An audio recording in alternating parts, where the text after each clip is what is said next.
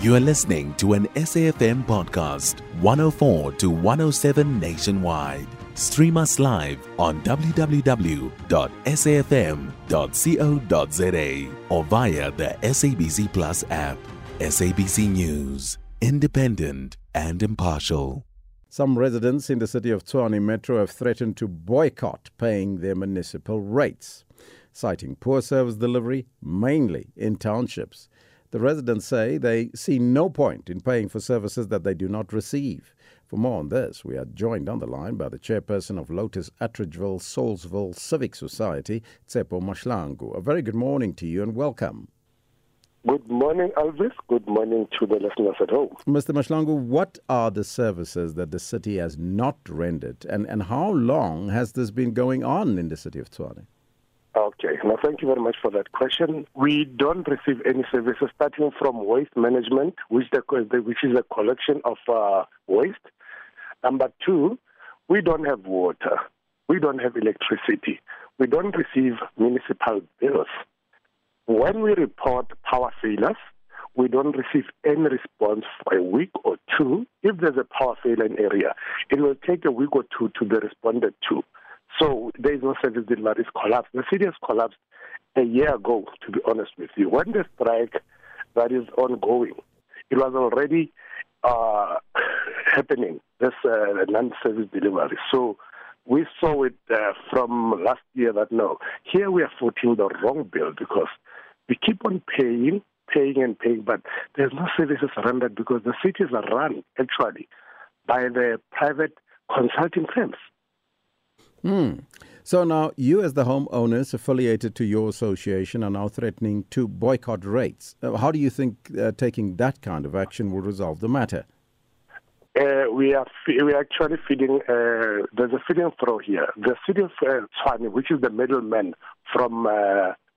ESCOM, they've got their own looting devices called prepaid meters.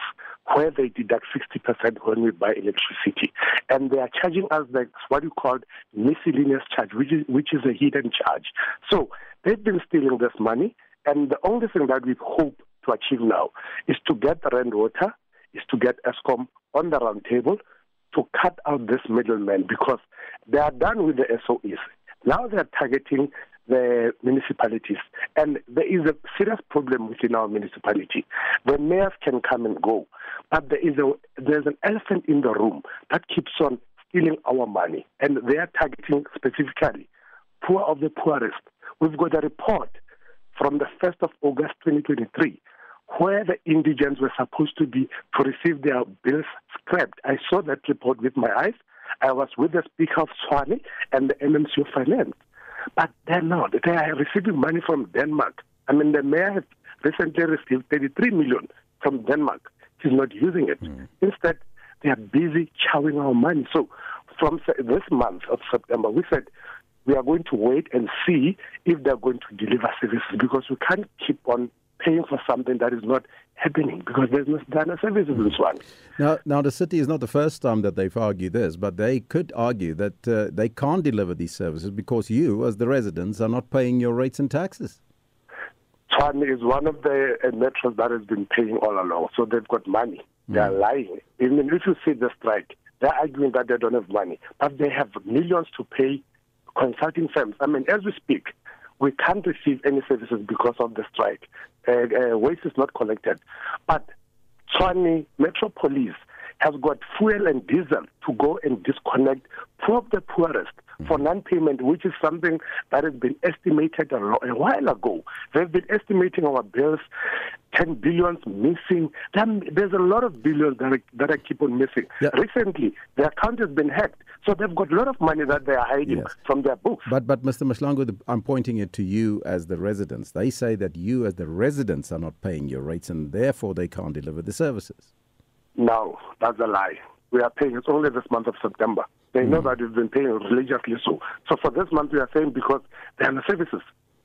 And and does for, this this does does this uh, lack of service delivery only affect townships?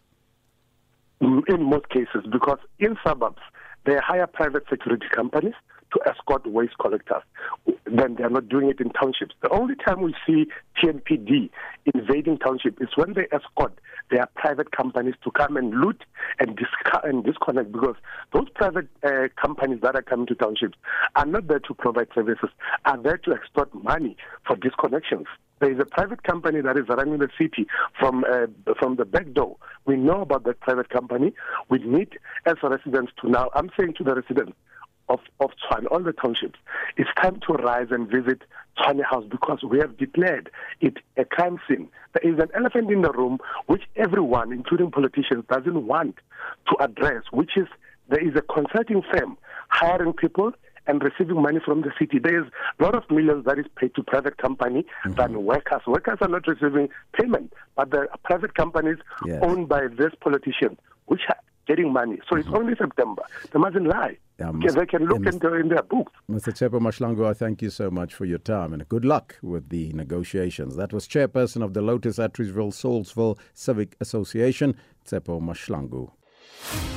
You can find SAFM Current Affairs on 104 to 107 nationwide. Our podcasts are available for download on all our digital platforms. SAFM, leading the conversation.